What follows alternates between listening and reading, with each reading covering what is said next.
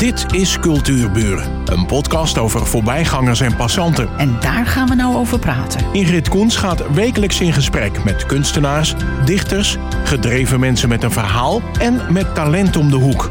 Vandaag gaat ze in gesprek met Ellie Stolwijk. Zij is geboren in Hoofddorp. In 1986 verblijft zij als vogelwacht twee maanden op een onbewoond eilandje in de Waddenzee.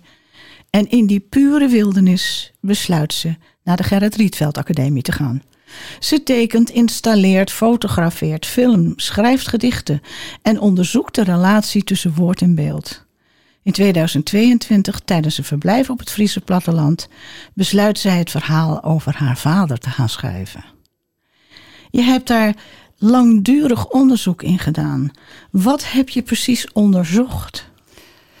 Um, ja, ik heb onderzocht. Ik ben op een. Dat is al van veel eerder, dat was in 2012. Heb ik door een bepaalde ervaring in Duitsland gemeend dat het tijd was om uh, het dwangarbeidersverleden van mijn vader te onderzoeken.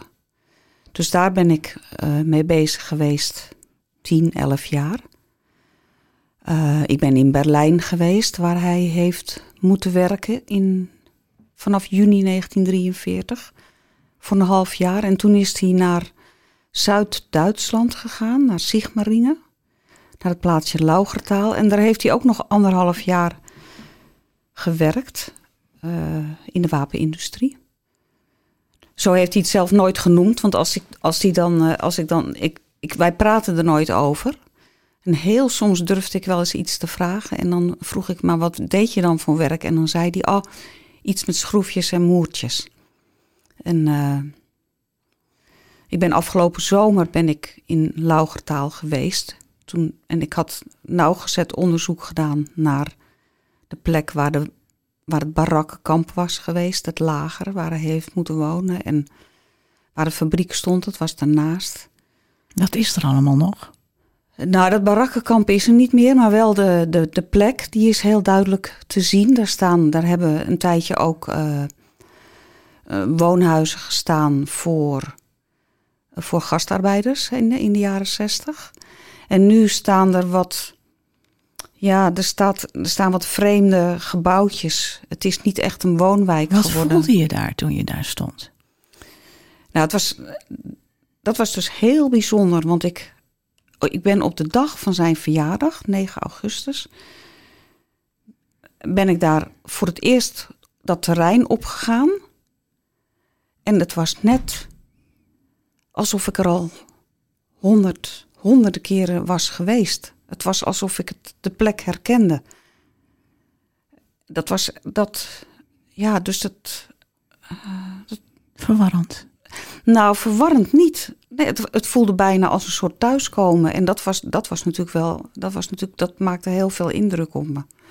Ik vond het ook wel heel, heel bijzonder. Ik was ook ontroerd dat ik daar liep.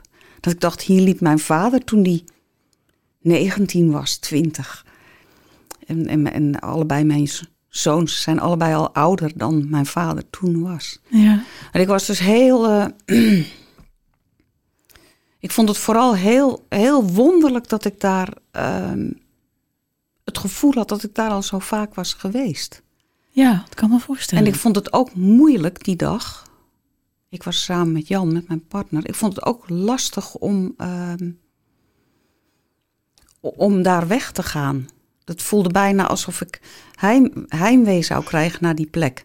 En uh, het was ook niet per se de bedoeling dat ik er nog een keer heen zou gaan. Uh, maar ik ben twee dagen later ben ik er nog een keer in mijn eentje geweest. En toen heb ik weer heel langdurig daar rondgelopen en gevoeld. En... Wordt dit boek je levenswerk? Um, dit boek, ja. Nou, dat, dat, dat weet ik niet zo goed. Dat, ik kan niet verder kijken dan, uh, dan dat het dan dat het af is. Ik heb zelf het idee dat er daarna nog een grote, dikke dichtbundel komt. Van alles wat ik nu niet schrijf, omdat ik alleen maar bezig ben met het verhaal van ja, vader. Ja, ja want uh, toen je besloten had het, het, het, verhaal van je vader te gaan schrijven.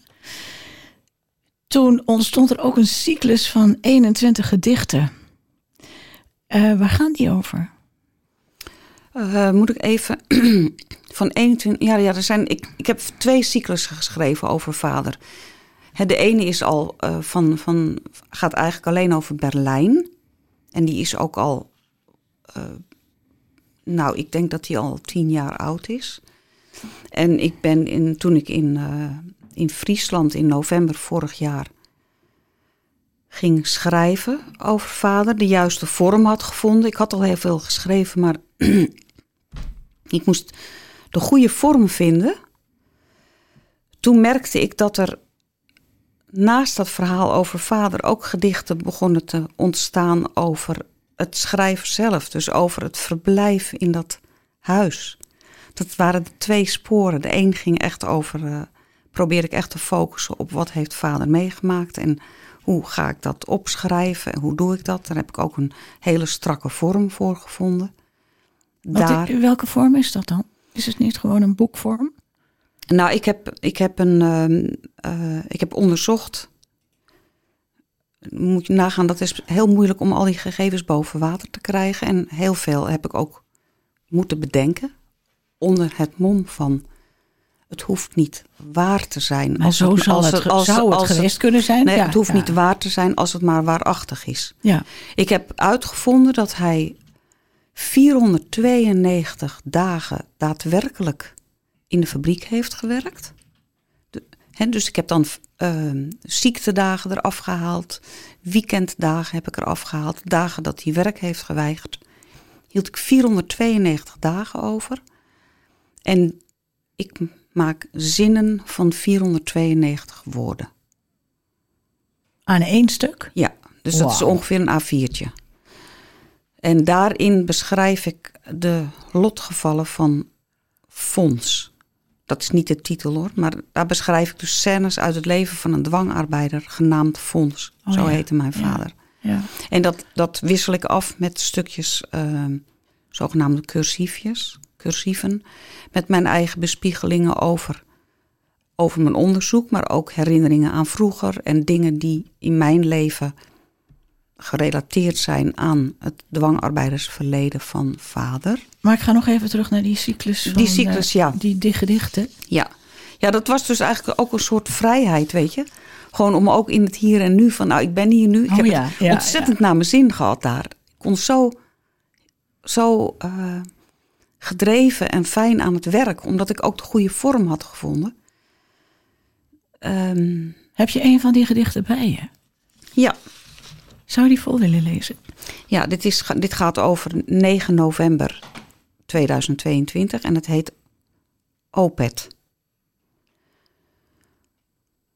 Op de benedenverdieping stond ik naar buiten te staren. En vanwege het donkere uur weerspiegelde de ruit mijn gezicht. Een schaduw maakte zich los uit de schuur en precies ter hoogte van mijn glasachtige ogen verscheen een kerkuil in een niet te vertalen innig moment. Toen de duisternis echt was gekomen, sloot ik alle gordijnen en danste op het kleine karpet tot mijn benen en armen het niet meer hielden. De muziek, het was black metal, heb ik uitgezet het bed wachtte en in de eerste slaap verscheen een hartvormig wit gelaat. Nu is de dag begonnen. Er liggen veel bladeren in de tuin. Door brillenglazen voor laptoppen geschikt tuur ik naar een bijzonder getekend blad. Dat plotseling opvliegt. Een koperwiek. Hoe mooi kleurt haar oksel oranje bij het paarse bloeien van wat schaarse viooltjes. Je bent ook in uh, Arles geweest. Ja. En daar schrijf je: Hier moet hij zijn geweest, die schilder. Realiseer ik me met onverwachte ontroering.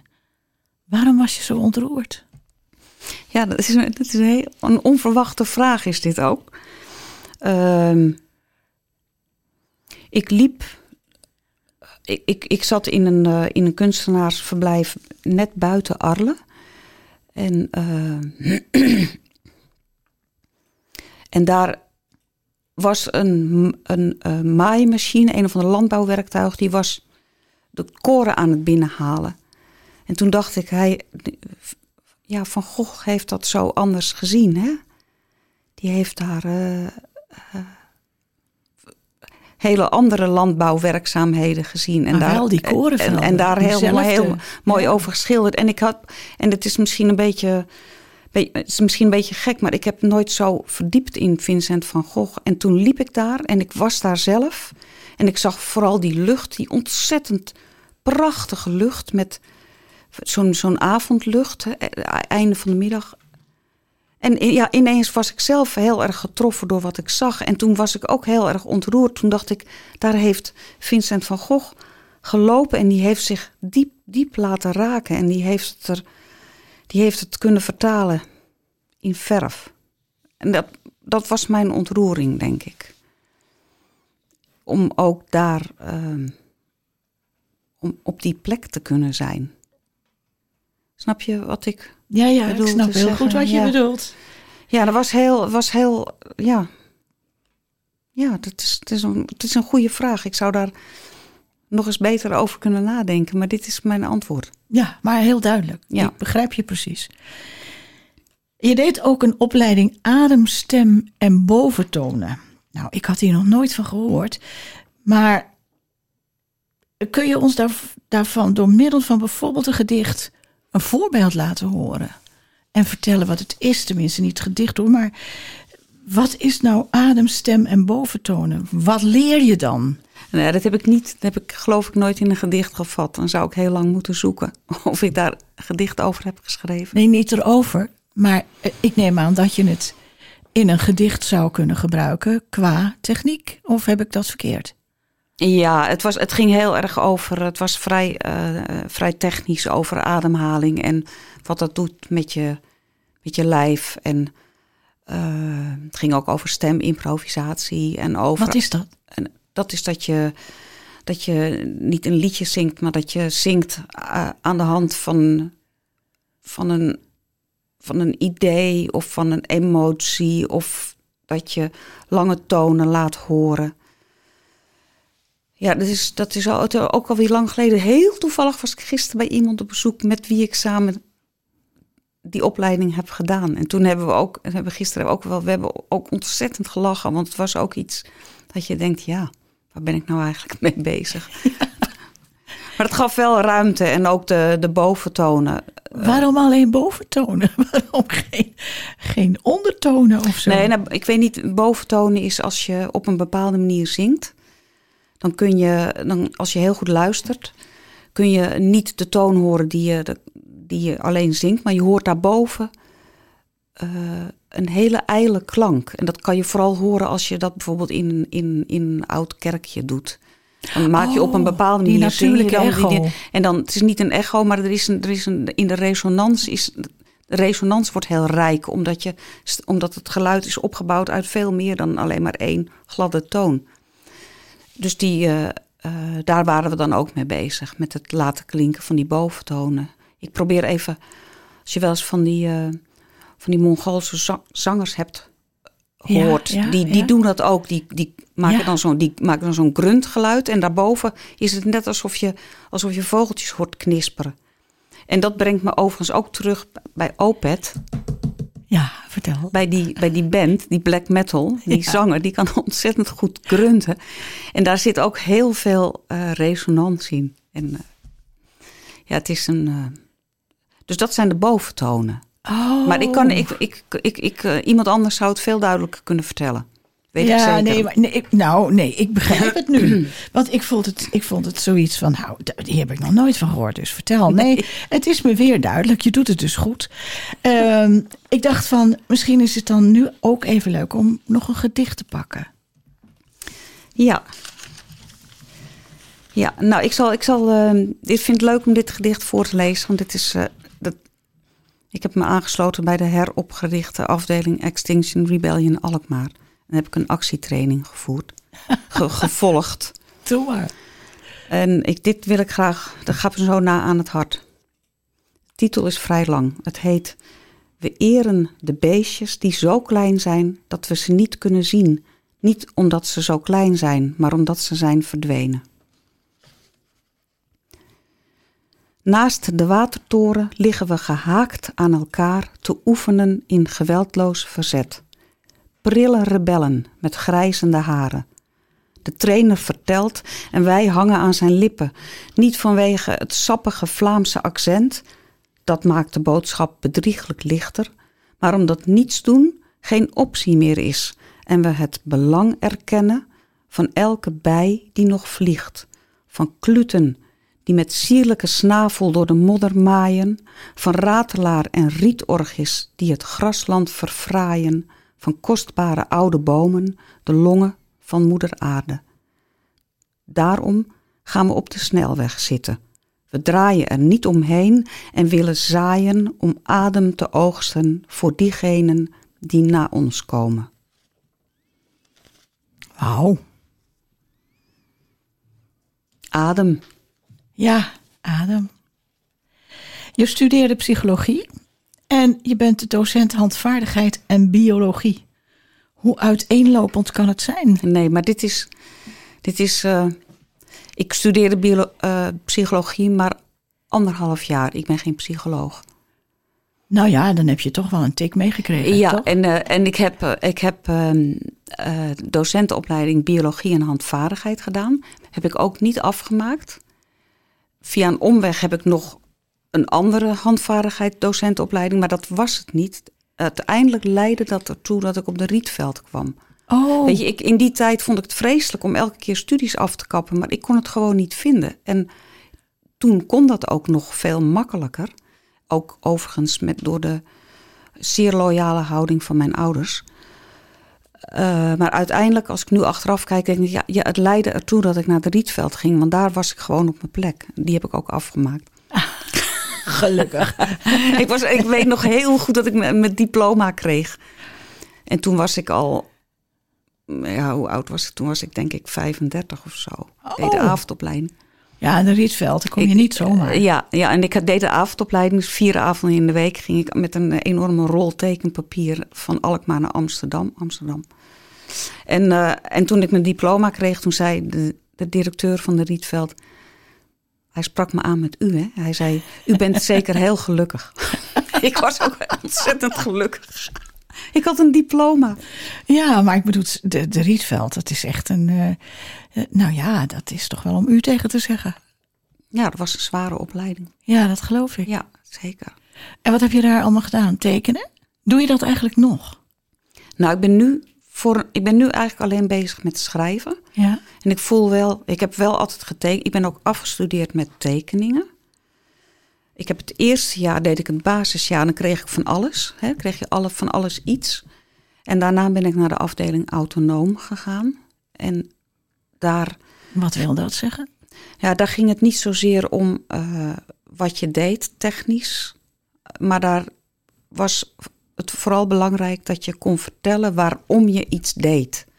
Als je uh, je nagels knipte en je bewaarde de nagels en je kon vertellen waarom je dat deed, dan was het goed. Nou, dat is een beetje een suf voorbeeld, maar het ging dus heel erg uit van concepten. Het was ook tijd van uh, conceptuele kunst. En, uh, maar ik ben daar voornamelijk gaan tekenen. En daar ben ik ook mee afgestudeerd met tekeningen. En dat is nog steeds wat voor mij ook het dichtst bij het schrijven ligt. Ik, heb, ik ben. Uh, ik ben naar de Rietveld gegaan omdat ik wilde zoeken naar, de, naar het, wat jij net voorlas aan het begin, naar de, het, het samengaan van de woorden en de beelden. Het onderzoeken van de bron. Is dat dezelfde bron? Komen die uit dezelfde bron? Uh, heb was, je wat... erover nagedacht om uh, dat boek van je vader te illustreren?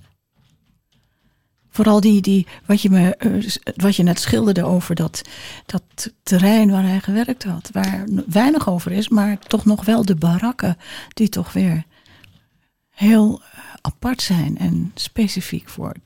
Ja, nou niet, de, niet de barakken uit de Tweede Wereldoorlog, maar wel barakachtige gebouw, gebouwtjes staan daar nog. Maar jouw vraag is over illustraties. Ik heb, uh, ik heb twee bundels uitgegeven en daar staan allebei illustraties in van mijn hand. En dat heb ik heel. eh, dat vind ik echt een heel. ook een belangrijk onderdeel van die bundels. Maar bij, in dit heb ik er nooit over nagedacht. Jij stelt de vraag en dan gaat het. Dan denk ik nee, ik heb niet voor, het is niet voor niks. Dit is genoeg. Het is genoeg om het alleen te schrijven. Ik wil ook geen, zelfs ook geen fotootjes erin doen van, situa van, van mijn vader, van zijn persoonsbewijs of van. Dat, het moet zonder Ja, beeld. ja, ik snap het. En Ehm, Overigens heb ik wel. We hadden het net over die vijf, Secrets van 25 gedichten, noemde ik over Berlijn. Ja. Daar heb ik 25 schilderijen bij gemaakt. Nou, Dus dat, dat, en dat wil ik ook nog steeds een ander boek van maken. Maar dan wordt het een boek van vijf, die 25 gedichten. Met 25 ja, ja, dat snap ik. reproducties erbij. En dat moet uitkomen, want componist Kees van Une uit Alkmaar... die is bezig om delen uit die gedichten op muziek te zetten. Dus dat wordt een muziekstuk. Oké, dat klinkt allemaal hartstikke leuk. Voor zang en instrumentalisten. En dat wil ik dan, dat zou mooi zijn als dat op een gegeven moment gebeurt en uitkomt en uitgevoerd wordt. En dat er dan ook een, een, eh, zo'n zo'n eh, boek is met eh, afbeeldingen van de schilderijen. Ja, ja. Ja, ja. Ik kijk even naar Kenneth. Kenneth, is er nog ruimte voor een gedicht? Even heel snel. Even heel nee, snel. Nee, nee, nee, nee, nee. Ik heb nog een vraag, maar Oh, oh. gedicht bij de hand. Eh er zijn nog je hobby's. Zingen, gitaar en piano spelen, wandelen, vogels kijken en lezen. Le- leven ik en jij in dezelfde tijdzone? Of heb jij een paar uur meer per dag? Nee. nou, ik moet heel eerlijk zeggen dat ik heel weinig aan deze dingen toekom. Hè. Wandelen gebeurt in de vakantie, fietsen gebeurt in de vakantie, lezen gebeurt voor ik in slaap kukkel. Nou, vooruit. Ja. Luister, ik vind het altijd heel mooi om met een gedicht te eindigen. Dus eh, mag ik je dan in ieder geval bedanken dat je hier was. ja. En je een hele fijne dag wensen. En heel veel succes Ja, en met jij, je boek. en jij ook bedankt voor het gesprek. Ik vond het heel erg leuk. En ik, ik zoek nu eventjes een gedicht. eh, dat heb ik hier. Dat is zo lang. Mag in de tijd. Kenneth schuift het gewoon weg als het moet. Nee hoor. Dit is namelijk een in memoriam voor Piet Meeuwse, mijn leraar Nederlands op de middelbare school. Belangrijk iemand in dit eh, hele proces. Een oud gedicht is het. Basalt, oud vurig gesteente, breekt het aanrollend water. Zuidoost jaagt de wind vlagen van zand in zigzagpatronen laag over het strand. Een zweem van naaldhout komt uit het duin, uit het diepe achterland, waarnaast het bospad de nachtgaal zingt. De gespleten kiezel heb ik opgeraapt, niet de baksteen, die rondgesleten en schijnbaar zacht aan mijn blote voeten lag. Nat kletsen die voeten op de klinkers van het dorp aan zee. Ik zie de groene schuren aan de stille witte weg, die doodloopt, zoals jij jaren geleden ophield te bestaan, het bloed in je hersens gestold.